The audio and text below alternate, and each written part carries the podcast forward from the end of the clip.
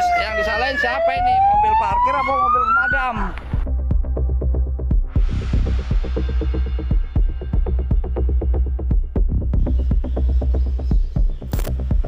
Lahan parkir pribadi yang minim menjadi persoalan yang tak kunjung terselesaikan di DKI Jakarta. Pasalnya, banyak pemilik mobil yang tidak mempunyai garasi maupun lahan parkir sendiri. Alhasil, banyak mobil-mobil yang diparkir di area jalan publik. Pemukiman di Jakarta yang sudah padat penduduk nampak semakin sesak akibat banyaknya jumlah kendaraan pribadi namun tidak diimbangi dengan ketersediaan lahan parkir. Akibatnya, tidak sedikit para pemilik kendaraan pribadi yang memutuskan untuk parkir di area badan jalan. Tentunya, hal ini sangat berbahaya karena dapat mengganggu pengguna jalan yang lain, terutama apabila dalam situasi darurat.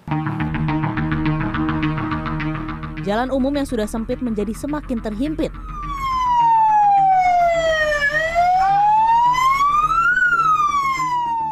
Pada Sabtu 13 Agustus misalnya, pemadam kebakaran bahkan sampai kesulitan untuk menembus lokasi kebakaran di kawasan Pulau Gadung, Jakarta Timur. Penyebabnya, laju mobil damkar terhalang oleh mobil-mobil yang diparkir di sepanjang jalan. Petugas damkar pun mesti memberikan aba-aba agar mobil damkar dapat terus berjalan tanpa merusak mobil yang terparkir.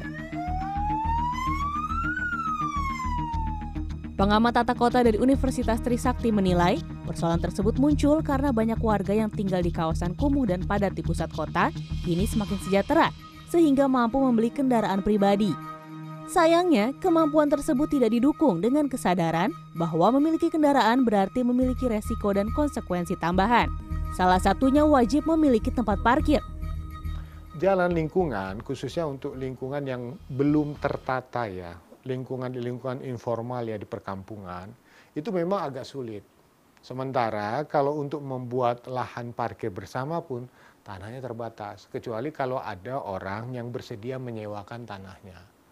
Kalau misalnya dibuat gedung parkir pun itu juga agak masalah karena investasinya terlalu besar sementara tarif parkirnya terlalu kecil.